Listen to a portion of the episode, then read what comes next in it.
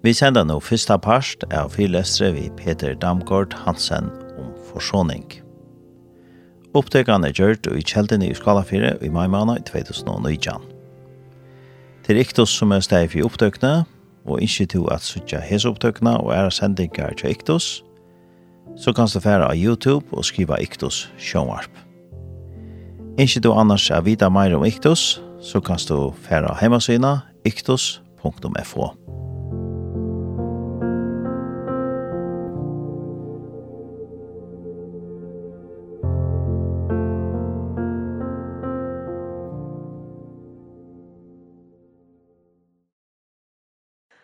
Nå men velkommen til Øtl, og godt å sitte til dere.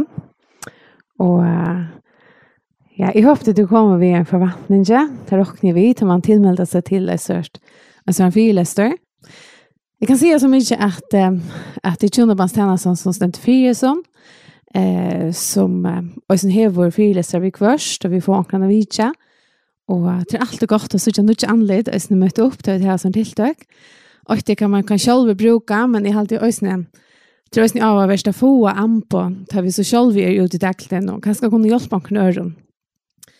Eh, i kväll hever Peter Ösne en bokling vi som ligger i borgen her, og det kunde godt kjøpe at han har. Här ständs så at det synder om fyrlesen som man hever. At det er det ganske også godt også, hvis man hever omkring som man kan gjøre det til. Så vil jeg bjuda Peter og Deborah velkommen i mellom oss. Måske I lige kan rejse jer op, så alle kan se jer. ja. Men jeg hadde vi kun begynne, så løtna vi at lette til Guds senter. Jesus, jeg takk deg for det. Hette kveld til feir. Takk deg for at du er smitt med til noen, Jesus. Jesus, jeg takk deg for at du sørst hver støv og videre i, og at du sørst hver nøynstakken feir. For jeg ber om at du sikner seg løtene av Jesus. Jeg vet at jeg var møtetslig gjørste, at du ble ikke dere gjørste, at vi kunne lusta, bare til dere selv, og hvordan vi kunne bruke det fremme etter det som Peter kommer vi. Jesus er takk deg for at du er sånn livende god, og det som er vøydelig granns av hjertøysene, at vi kunne oppnå at, at jeg kommer kjenne til Peter Jesus, og så ikke hvordan jeg vil ha bruk for det her. Jeg vet makt ikke alt i dere selv, Takk deg for at du nå nærmere, Jesus, at du sikner etter kveld for åkken ødel. Det blir det om at vi får høyme at vi er nøkken som vi kan ordentlig titte på og, og hukse om hver, og det kan brøyde åkken. Takk deg for alt gav Jesus, legge seg løtene til at du er på hender. Amen. Så Peter, så er mikrofonen din. Ja. De her første sekunder er Fantastisk. Jeg er spændt, og I er spændt. Jeg står her og tænker, når sådan ser I ud. det er første gang, min kone og jeg er på færgerne. Og vi er så taknemmelige for at blive inviteret hertil.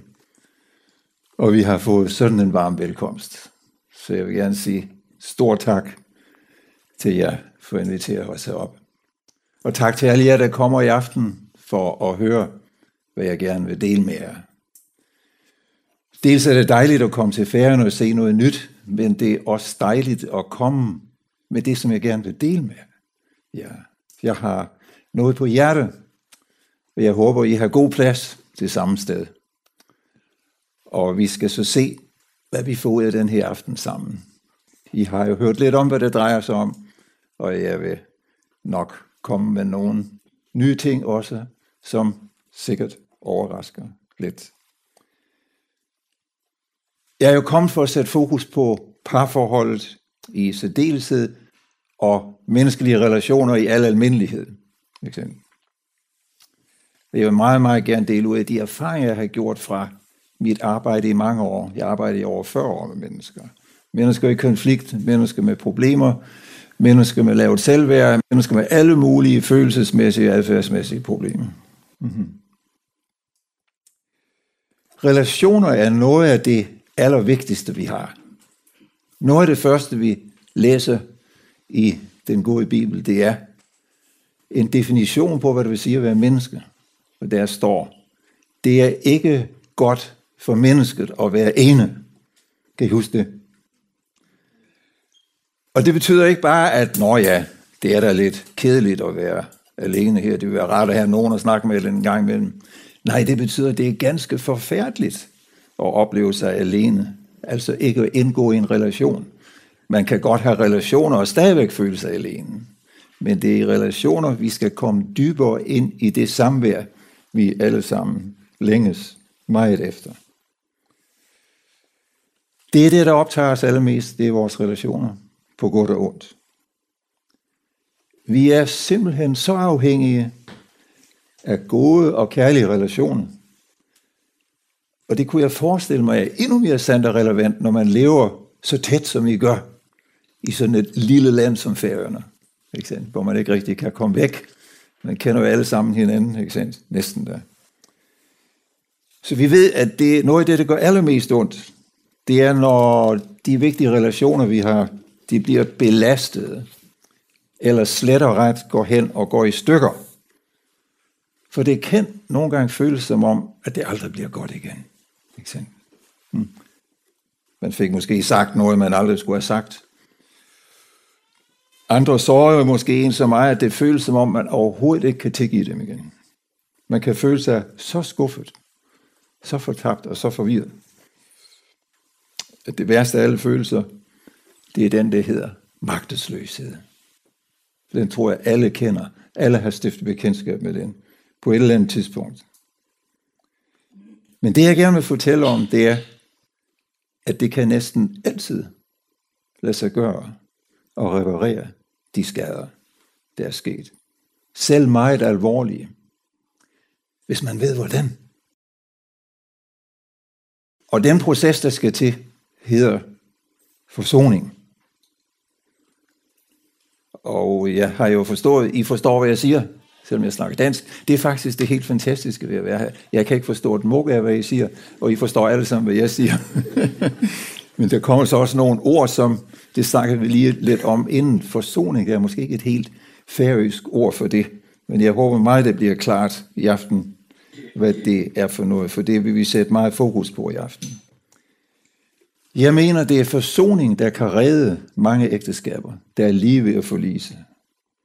Og det er også forsoning, der kan berige og forstærke de ægteskaber, der allerede fungerer rimelig godt.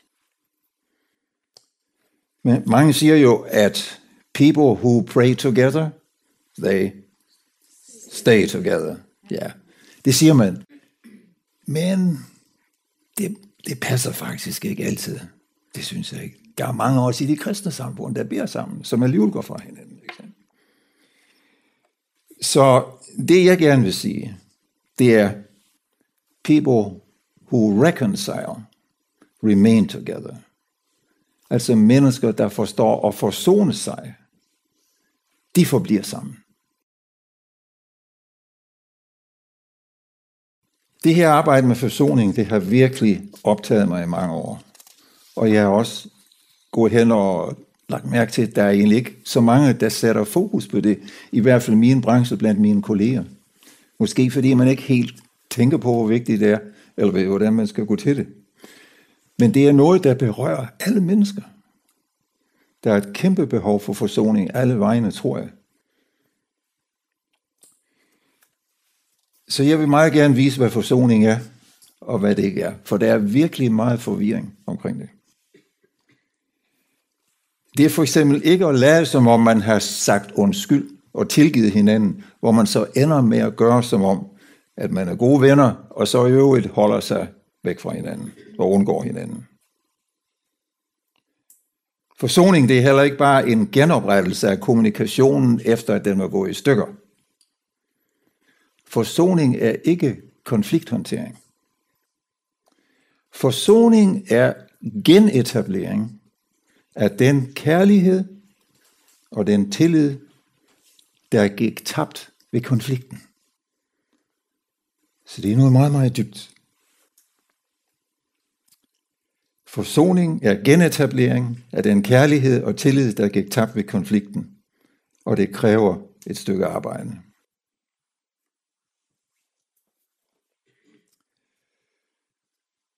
Nu har jeg arbejdet med mennesker i over 40 år, så kunne man jo håbe, at jeg har lært noget ved det. Og hvis jeg skulle prøve at kode det hele ned til en sætning, 40 års erfaring med menneskeligt arbejde i en sætning. Vil I gerne have det? Er I klar? Syv år. Her kommer det. Det er ikke let at være menneske. Ja, det lyder helt banalt. Og man, kan man bruge det til noget? Jeg ved ikke, om I kender Piet Hein her på Færøerne. Det er en dansk øh, poet, der skrev en masse små satiriske, poetiske stykker. Han skriver om psykologer, at en psykolog er en, der ved at studere i sit arbejds sved, har lært sig det, vi andre ved. ja, I ved det jo i forvejen, at det er ikke let at være menneske, men grund til at understrege det er, jeg vil gerne have, at vi skal acceptere, at det ikke er let. Vi skal ikke tro, at der er noget galt med os. Vi skal ikke tro, at vi er en fiasko, hvis vi oplever, at det er meget svært at få vores liv og vores relationer til at fungere. Hvis vi kan acceptere, at det er svært, så bliver det hele lettere. Og det tror jeg, I forstår, inden vi er færdige i aften. Mm. Hvorfor er det så svært at være menneske så? Jamen det er jo fordi, det at være menneske, det handler om at skulle forholde sig til andre mennesker. Og det er her et af de helt store problemer ligger. Vi eksisterer kun i relation, i, i kraft af vores relationer til andre. Vi er skabt til at leve i relationer til andre. Det er omgang med andre, at vi bliver bevidste om os selv og udvikler os selv, og vi hjælper andre med det samme. Det er helt utroligt, så mange relationer vi jo indgår i hele tiden, ikke også? til kæresten, til ægtefælden, til børn, forældre, søskende, venner, arbejdskolleger, chefer, præster, trosfælder. Over det hele har vi relationer. Og når vi går ind i en relation med et andet menneske, så har vi altid en dagsorden. Det vil sige, vi møder op med nogle forventninger. Vi vil op med nogle ønsker, vi vil op med nogle behov for at få noget. De her forventninger, den dagsorden, vi har, er måske ikke altid særlig tydelige. Men de er der. Ellers vil vi ikke søge andre selskab.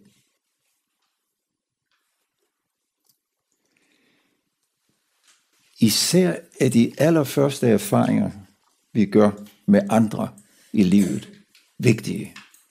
Vores første erfaring med relationer er vanvittigt vigtige. Men sådan er det jo med mange ting. Altså hver gang vi gør nogle nye erfaringer på nye områder, gør det altid et særligt stort indtryk. Ikke også? Som vi ikke så let glemmer. Første gang vi er oppe og flyve, for eksempel, ikke sandt? Det husker man. Første gang vi er i Tivoli i København. Første gang vi er på færgerne, og så videre. Det gør indtryk. På samme måde, så vil den første gang, vi indgår i nære relationer til andre, også efterlade et uudsletteligt indtryk. Og hvornår er det, det sker? Det sker i barndom. I en tidlig barndom. Især i de første fem år. Her møder vi op med kæmpe behov i forhold til andre. Behov for at blive set, for at blive anerkendt, for at blive værdsat, for at blive elsket, ikke bare en gang imellem, men 24 timer i døgnet. Det ser man hos den lille nyfødte. Det skal være nu og hele tiden, ellers laver jeg røvl. Vi har behov for at blive forstået og trøstet, når vi er kede af det. Behov for at blive hjulpet, når vi ikke kan finde ud af det. Og hvor meget vi får af de her ting, det varierer fra familie til familie. Men en ting er helt sikkert, Ingen af os får nok af det. I den første fase. Ingen. Selv ikke i de bedste familier. Vi er født med et behov for en ubetinget kærlighed af en kvalitet og et omfang, som ingen forældre kan give. Jeg glemte at sige i starten, I må godt være uenige med mig i noget af det, jeg siger. Vi tager en diskussion, der bliver rig lejlighed til det bagefter. Men nu kan I høre. Jeg vil gerne sige det igen. Vi er født med et behov. Vi er skabt med et behov. For en ubetinget kærlighed er en kvalitet og et omfang, som ingen forældre magter at give. Nu må I ikke tro, at jeg er ude efter at give forældrene hele skylden og dumme forældrene oven i hovedet. Det er selv forældre til tre voksne børn sammen med Deborah. Mm. Og jeg har lavet en masse fejl. Jeg har gjort det bedste, jeg kunne, baseret på min egen erfaring. Og min manglende erfaring, baseret på mine egne traumer fra min egen barndom. Forældre gør det bedste, de kan. Problemet er bare, at det bedste, vi kan, er ikke helt godt nok. I forhold til de behov, som vor Gud har skabt os med. Så hvor lander vi så med det? Det gør os meget sårbare og meget følsomme i mødet med andre lige fra starten. Vi får alle sammen en dosis af smerte, skuffelse og svigt i forbindelse med kærlighedsbehovet. Tænk bare på, hvor ofte børn græder. Og hvor hjerteskærende det er at høre på, hvis vi tør lytte til det. Vi tænker måske, at den lille ved ikke, hvad der foregår, det er glemt om lidt.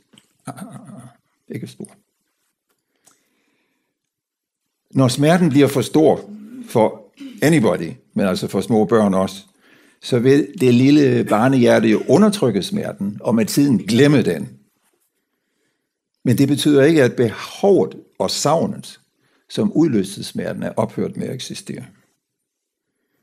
Vi bærer det behov med os i vores underbevidsthed, hvorfra det holder udkig efter mennesker eller grupper, der måske kan give os noget af det, vi ikke fik nok af og stadig hunger efter.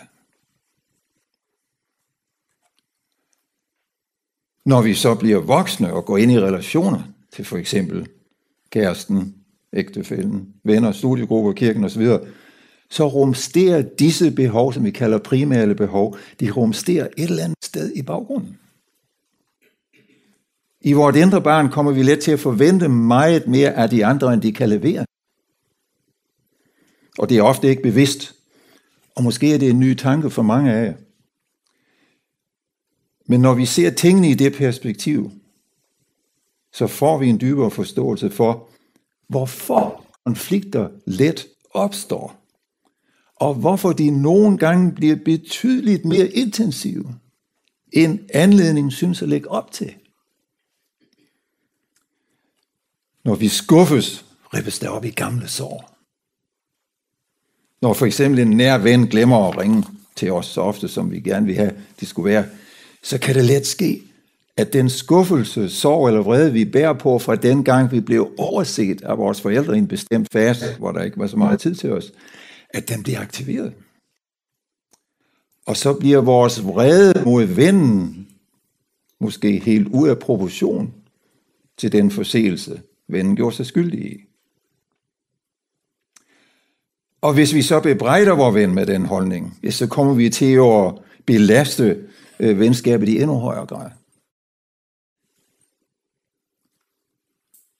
Så I kan se, at de ting, vi bærer i bagagen fra barndommen, de kommer let til at gå ud over de mennesker i vores voksne relationer, der uheldigvis befinder sig på det forkerte sted, på det forkerte tidspunkt, og som siger eller gør de forkerte ting. Sådan en tidsforskydning er et psykologisk fænomen, som vi kalder projektion.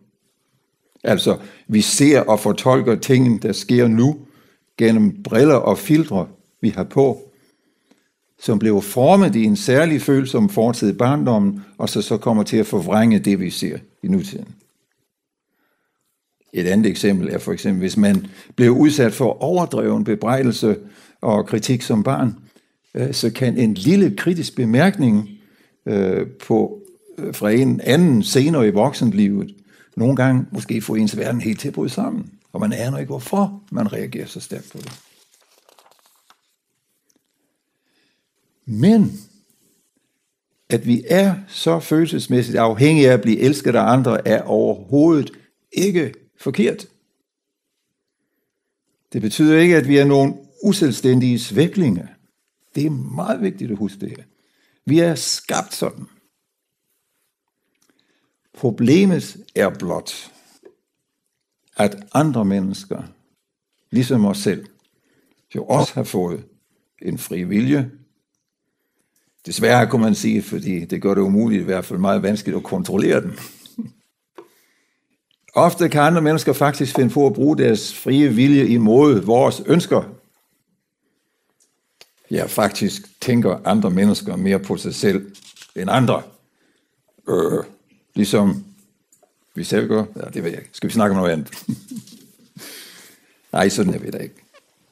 Nå, Men det at være menneske, det betyder altså at være følelsesmæssigt afhængig af nogen, som man ikke kan kontrollere. Kan I følge mig? Ja. Det lyder skrækkeligt, og det er det faktisk også. Det sagde jeg også.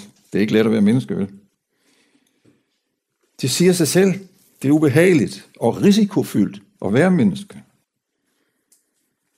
For det gør det umuligt at undgå at blive såret. Kan I se det? Der er ligesom lagt op til det. Men jeg advarer jer. Jeg sagde, at det er svært at være menneske. Okay? Vi lider alle sammen af den her angst for at blive såret af andre. Og også bekymring for at komme til at såre andre. Og som voksne mennesker bygger vi så alle mulige psykologiske forsvarsmekanismer op for at beskytte os mod at blive såret. Og så er det, at vores relationer begynder at blive komplicerede. For så går vi alle sammen rundt med ømme tæer, eller mange af dem faktisk. Og så skal vi bruge en masse energi på at sikre os, at det ikke bliver trådt på vores egen ømme tæer. Og samtidig skal vi også hele tiden være på vagt over for at prøve at undgå at træde på andres ømme tæer. Så vi kan godt se, at det hurtigt kan blive kompliceret at have med andre mennesker at gøre. Og begrænsende at skulle have styr på det hele tiden. Og det kan vi heller ikke magte. De dårlige nyheder er derfor, at uanset hvor meget vi gennem bøn, terapi, personlighedsudvikling, bibelstudie og god vilje og alt muligt andet, bestræber os på at være gode mennesker, som lever kærlighedsbudet i vores forhold til andre, så kan vi ikke undgå at komme til at såre og forvolde hinanden ondt under tiden måske meget ondt. Og desværre går det ofte ud af dem, vi er tættest på, som betyder mest for os. Ægtefælden, børn, forældre og nærvenner. At det virkelig er sådan, kan være lidt fortvivlende at se i øjnene. Og det kan være fristende at prøve nogle smutveje for at undgå at kende realiteterne, for eksempel ved at give de andre skylden, ikke sant? Men det er en realitet.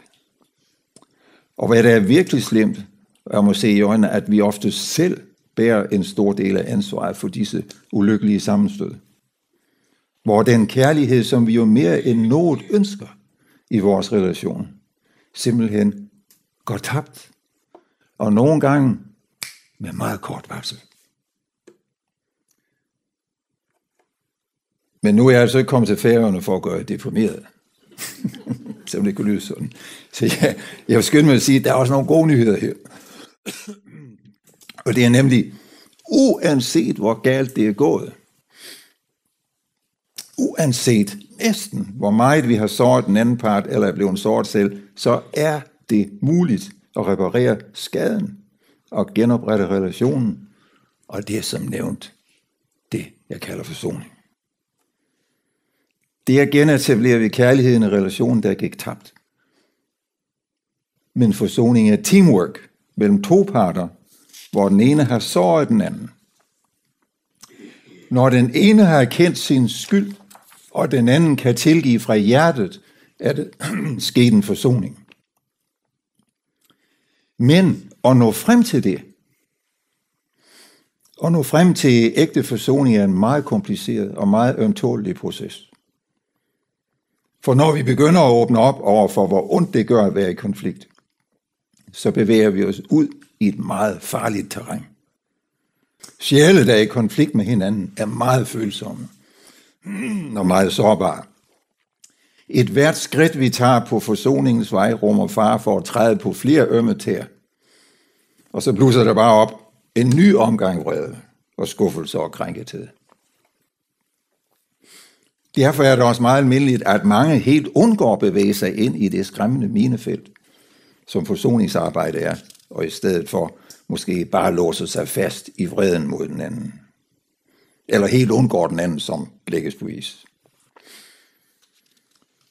Nogen forsøger måske en hastig forsoning, skynder sig med at give det her rituelle undskyld, ikke sandt, som det hastigt kvitteres for med det rituelle, jamen jeg tilgiver dig, For det bør man vel gøre som et hederligt menneske, ikke også? Især hvis man kalder sig for kristen, ikke sant?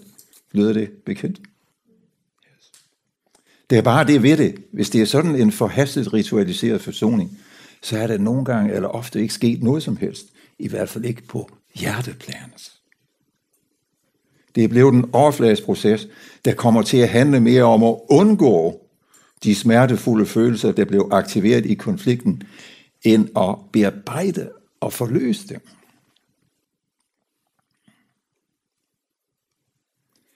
Og når der ikke er sket ægte forsoning, så kan man være sikker på en ting, at den konflikt, man prøver at få løst, ulmer videre i dybet, og vil blusse op igen med en ny omgang, skuffelse, sårthed og vrede. Så vi har brug for noget mere end blot et høflighedsritual. Vi skal meget dybere end det, og det, der skal til, det kan jeg godt lide at kalde psykologisk hjertekirurgi. For at forstå min tilgang til forsoning, skal vi have afklaret nogle af de her vigtige begreber i forsoningsarbejdet. Vi skal snakke om skyld, vi skal snakke om skyldfølelse, vi skal snakke om undskyldning, anger og tilgivelse. De her begreber er ofte meget uklare og bliver brugt meget forvirrende af mange mennesker. Og når kommunikationen er uklar, så går selv meget oprigtige og ærlige mene forsøg på forsoning lettere i fisk.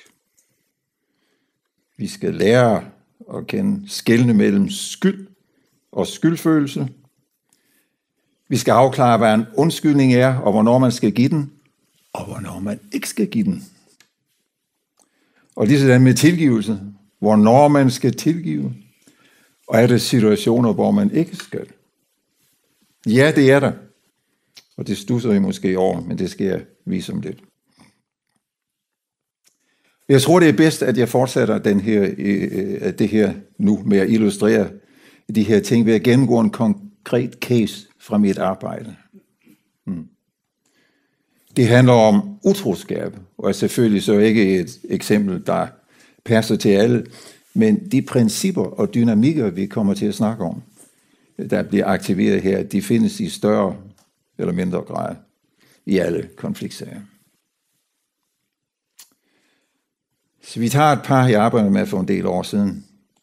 Vi kalder dem Betty og John. De er et kristen par, der begge er meget engageret i deres tro, i deres kirke. Men John har været sin kone utro, og han har løjet omkring det i udstrakt og opfindsom grad mange gange. Han bliver så endelig afsløret af sin kones mistanke, og han går til bekendelse. Han reagerer nu med at føle sig meget, meget skyldbetynget. Han græder mange tårer, og tigger og beder om tilgivelsen. Og det kan jo se meget rigtigt og tilforladeligt ud. Men kigger man lidt nærmere på, hvad der foregår, så bemærker man noget meget interessant. Og det er, at John rent faktisk synes at være mere optaget af, hvordan han selv har det, end hvordan hun har det. Og hvis vi ikke bliver opmærksomme på denne selvoptagethed, så går forsoningsarbejdet i baglås. Det er en videre interessant, at han selv hævder, at han har modtaget Guds tilgivelse, og nu mangler han bare sin Bessys tilgivelse, for at de kan have fred sammen og komme videre med deres liv.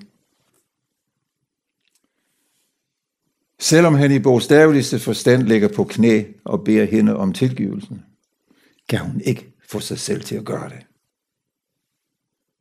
Hun mærker stor modstand mod at tilgive og siger også, at hun er bange for, at han bare vil gå ud og svigte igen, hvis hun tilgiver. Men som en god kristen tror hun på, at det tilgive, det er noget, hun skal. Så hun veksler mellem på den ene side raseri over hans svigt, og på den anden side depression og skyldfølelse over hendes manglende evne til at tilgive. Det slider meget på hende, og hun er efterhånden et nervevrag og følelsesmæssigt meget ustabil. Samtidig sker der så det, at John, der efterhånden begynder at føle, at han har ret til at blive tilgivet, fordi han jo har undskyldt så mange, mange gange. Han begynder at blive, hvad tror I? Irriteret. Han begynder at blive irriteret på Betty, og at hun ikke kan tige ham. Han kan ordentligt købet finde på, om du er, du er da en kristen, er du ikke det? Og sådan fyrer sådan nogle små stikpiller af. Den her irritation viser, at han begynder at føle, at han har krav på en tilgivelse.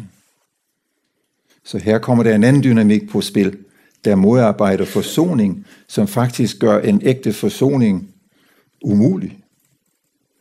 Fordi tilgivelse er noget ligesom kærlighed. Det kan kun gives frit. Det kan ikke blive givet som svar på krav og pres. Hans irritation skærper naturligvis hendes modvilje mod at tilgive. Men samtidig forstærker det også hendes dårlige samvittighed og hendes depressive tilstand. Og ikke kunne gøre det. Sådan har det kørt i ring på hjemmefronten i et par uger. Dag og nat. Så er det, de beslutter sig for at komme til mig for at bede om hjælp. Men til hvad, tror jeg? Ja, til at få hende kureret for sin depression og sin modvilje mod at tilgive.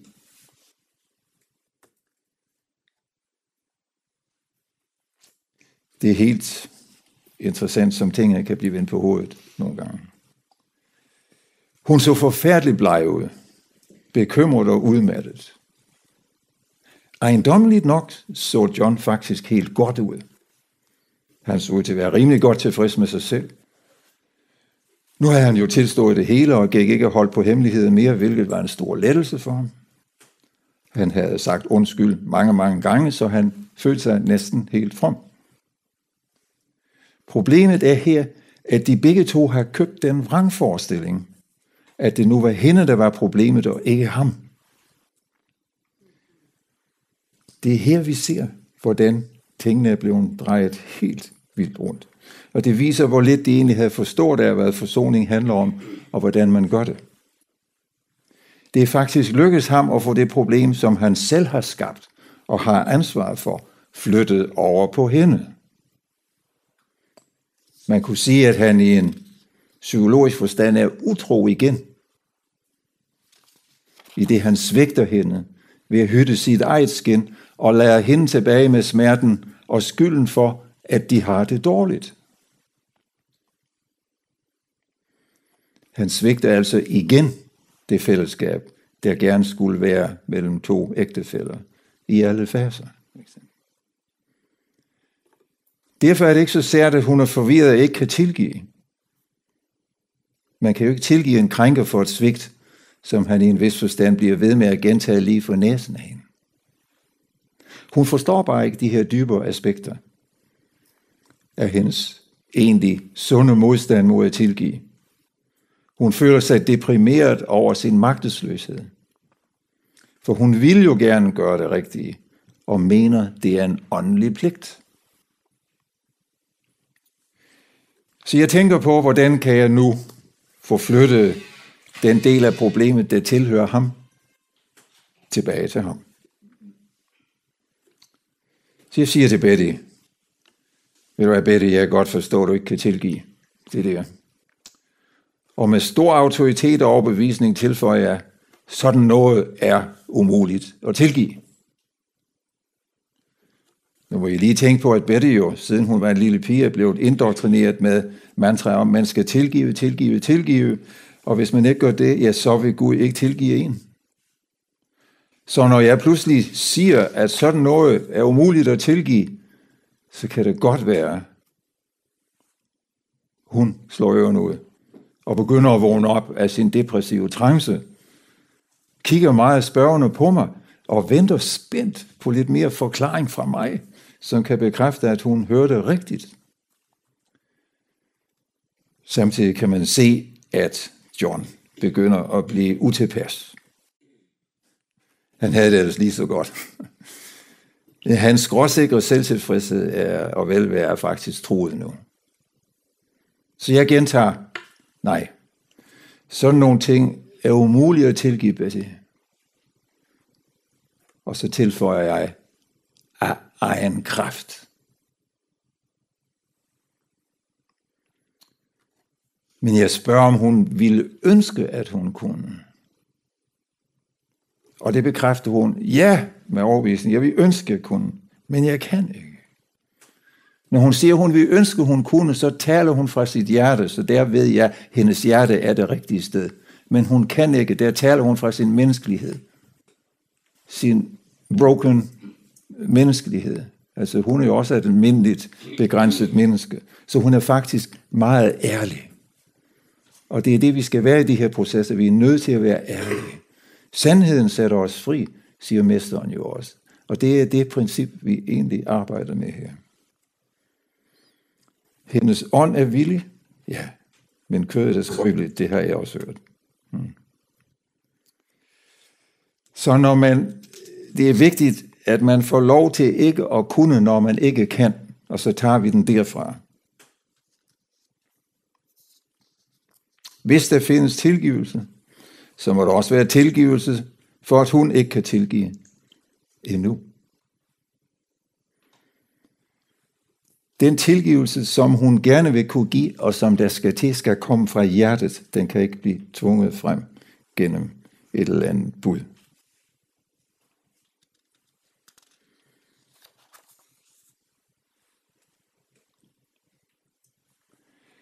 Men der er også en psykologisk dimension til det her problem.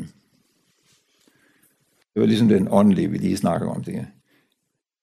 En anden grund til, at hun ikke kan tilgive, er nemlig, at John endnu overhovedet ikke har forstået omfanget og dybden af den smerte, han har påført sin hustru. Og det er helt nødvendigt, som vi vil forstå lige om lidt, for at forsoning kan finde sted. Han undgår og kom tæt på hendes smerte ved at svælge rundt i sin egen skyldfølelse.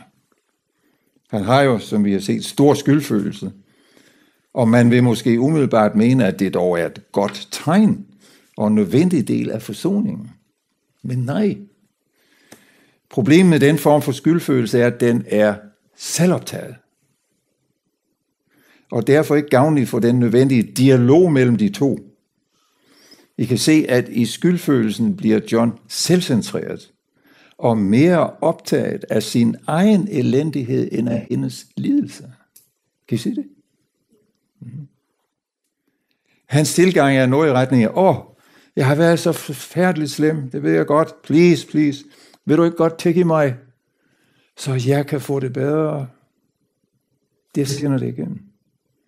Selvoptagethed, selvcentrertheden. Ikke Så han sætter sig selv i fokus og bliver mere optaget af selv at få det godt, end at tænke på, hvordan hun egentlig har det. Derfor dur skyldfølelsen ikke. Og forståelsesprocesser, der kun prøver at operere på det niveau, lykkes ikke.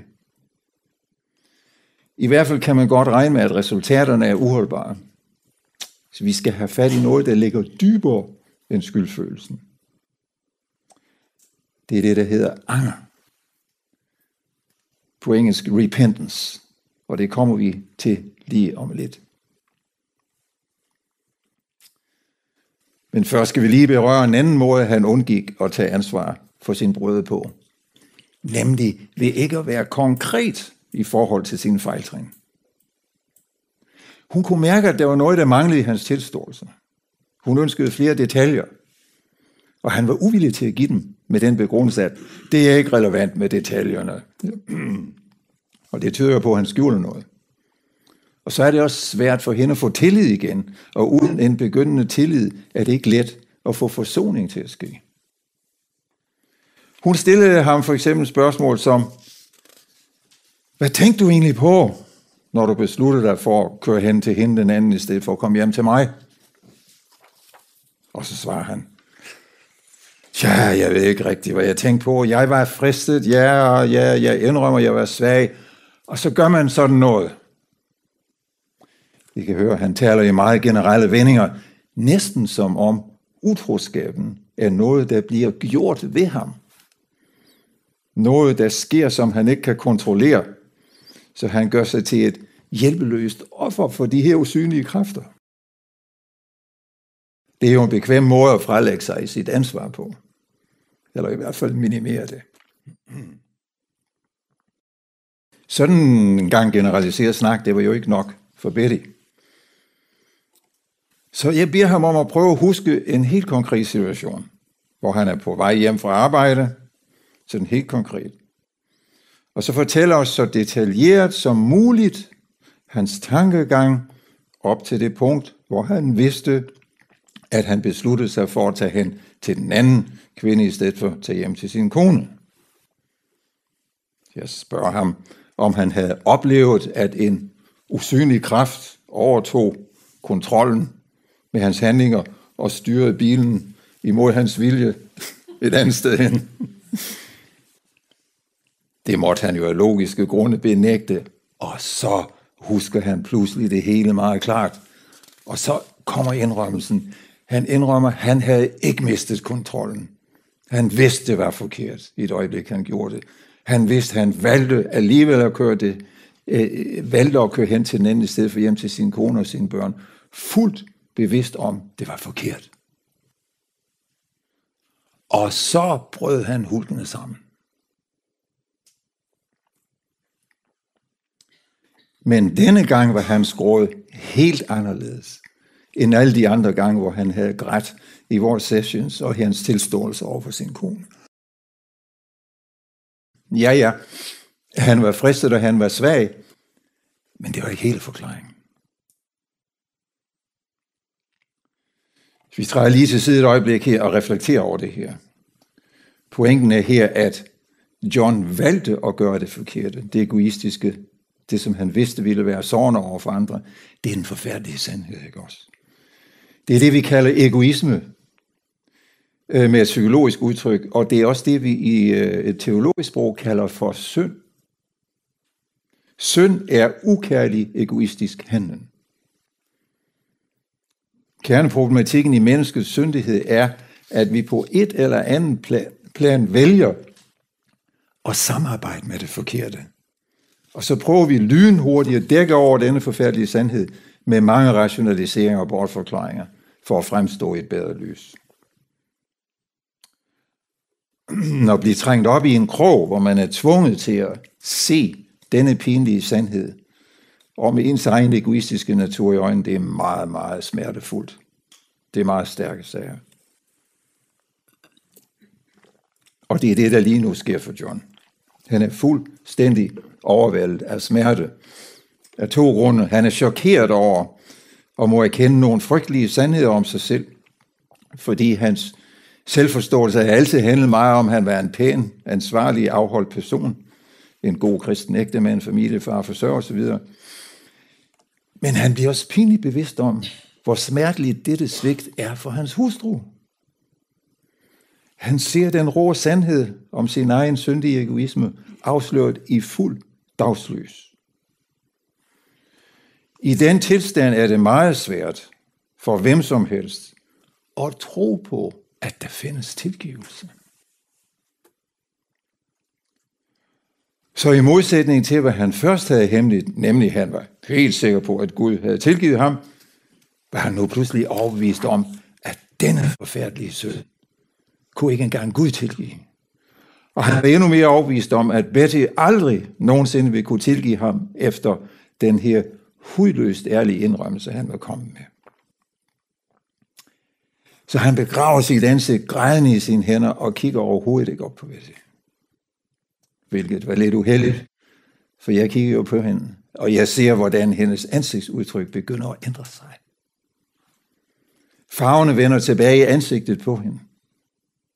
Hun græder også, men er ren og skær lettelse over, at hendes mistanke om, at der manglede noget, havde været berettiget, og at det ikke var hende, der var noget galt med. Men hun græder også, fordi medfølelse, fornyet tillivet og tilgivelse spontant begynder at flyde fra hendes hjerte. For det, hun er vidne til hos John nu, det er autentisk vaskeægte anger. Og vi ser, hvordan den er helt anderledes end skyldfølelsen. Ikke også? Hvor man i skyldfølelsen er meget selvcentreret. Man er optaget af sin egen elendighed og kun ude på at finde lettelse for sig selv. Men i angeren er man pinebevidst om den smerte, man har forvoldt den anden. Man er villig til fuldt ud at påtage sig det tunge ansvar for den andens smerte og selv lide den smerte, man kom til at påføre den anden. Når man er det sted, så tigger og beder man heller ikke om tilgivelse. Fordi man indser umiddelbart, at man som krænker ikke har ret til at forlange noget som helst. Og man er ydmyg nok til at acceptere, hvis den anden ikke kan tilgive. Angeren er faktisk meget, meget smuk. Og når man er vidne til den, så forstår man, hvorfor der står skrevet, at der er jubel i himlene, når en synder omvender sig. Det er meget smukt. Og ægte anger gør det meget lettere, ja næsten umuligt ikke at tilgive. Og have tillid til, at den synd ikke så let vil ske igen. Og det tror jeg er rigtigt. Sand anger, det er en slags sjælevaccination imod gentagelser. Og se med egne øjne og opleve med eget hjerte, hvad man har gjort ved den anden, glemmer man ikke så let, og det dæmper meget lysten til at gentage det. Men så længe det ikke har været sand anger, så kan vi gå til skriftemål, vi kan lide frygteligt af skyldfølelse og sige undskyld tusind gange, og så alligevel let falde i igen. Nå. Men så beder jeg John om at kigge op på Betty, hvilket han gjorde, og fuldstændig overrasket så han den kærlighed og tilgivelse, der strømmer ham i møde. Nu begynder han at hulke igen. Men den gang er helt andre grunden selvfølgelig. Han smeltede simpelthen. Og jeg, som sidder og kigger på alt det der, øh, jeg bliver også rørt, og kan ikke at holde mine tårer tilbage. det er meget stærke sager. Fordi det, der sker, går egentlig langt ud over, hvad psykoterapi egentlig kan udrette. Jeg forstår det mere som, at der er noget højere, der kommer ind. Noget, som vi i kristens sammenhæng kalder heligånden, der griber ind her – og hjælper til med at formidle kraften til at forsone hjerterne, når hjerterne er reddet til det. Vi ved aldrig helt i det her psykologiske arbejde, hvornår det sker, eller om det sker. Derfor kalder jeg det for nådegaven, når det sker. Alt, hvad vi kan gøre i forsoningsarbejdet, det er at bevæge os i den rigtige retning, og så have tillid til, at kraften melder sig, når der er brug for den og at det overhovedet kan lykkes, og ofte gør, jamen det tror jeg er fordi, at vores hjerte er sådan indrettet, at de i udgangspunktet på et eller andet plan altid længes efter det. Det vil med andre ord sige, at vi er udstyret med et åndeligt instinkt, der indenfra samarbejder med det, vi søger og, og gerne vil gøre og har brug for at få hjælp til ovenfra.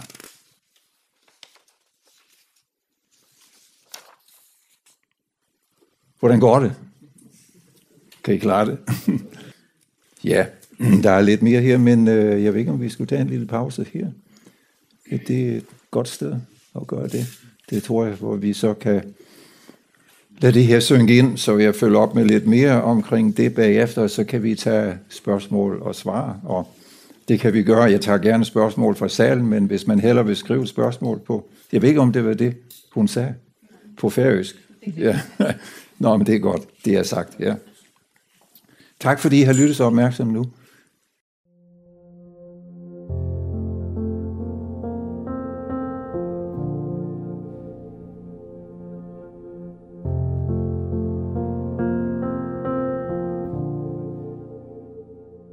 Vi har sett uh, første part av fyrlestre vi Peter Damgaard Hansen om forsoning. Opptøkene var gjort i kjeldene i Skalaferie og i mai måned i 2019. Det er Iktus som er steg for opptøkene, og ikke du har suttet hese opptøkene og er sendinger til Iktos, så kan du fære av YouTube og skrive Iktos Sjønvarp. Ikke du annars vite mer om Iktos, så kan du fære av hjemmesiden Iktos.fo.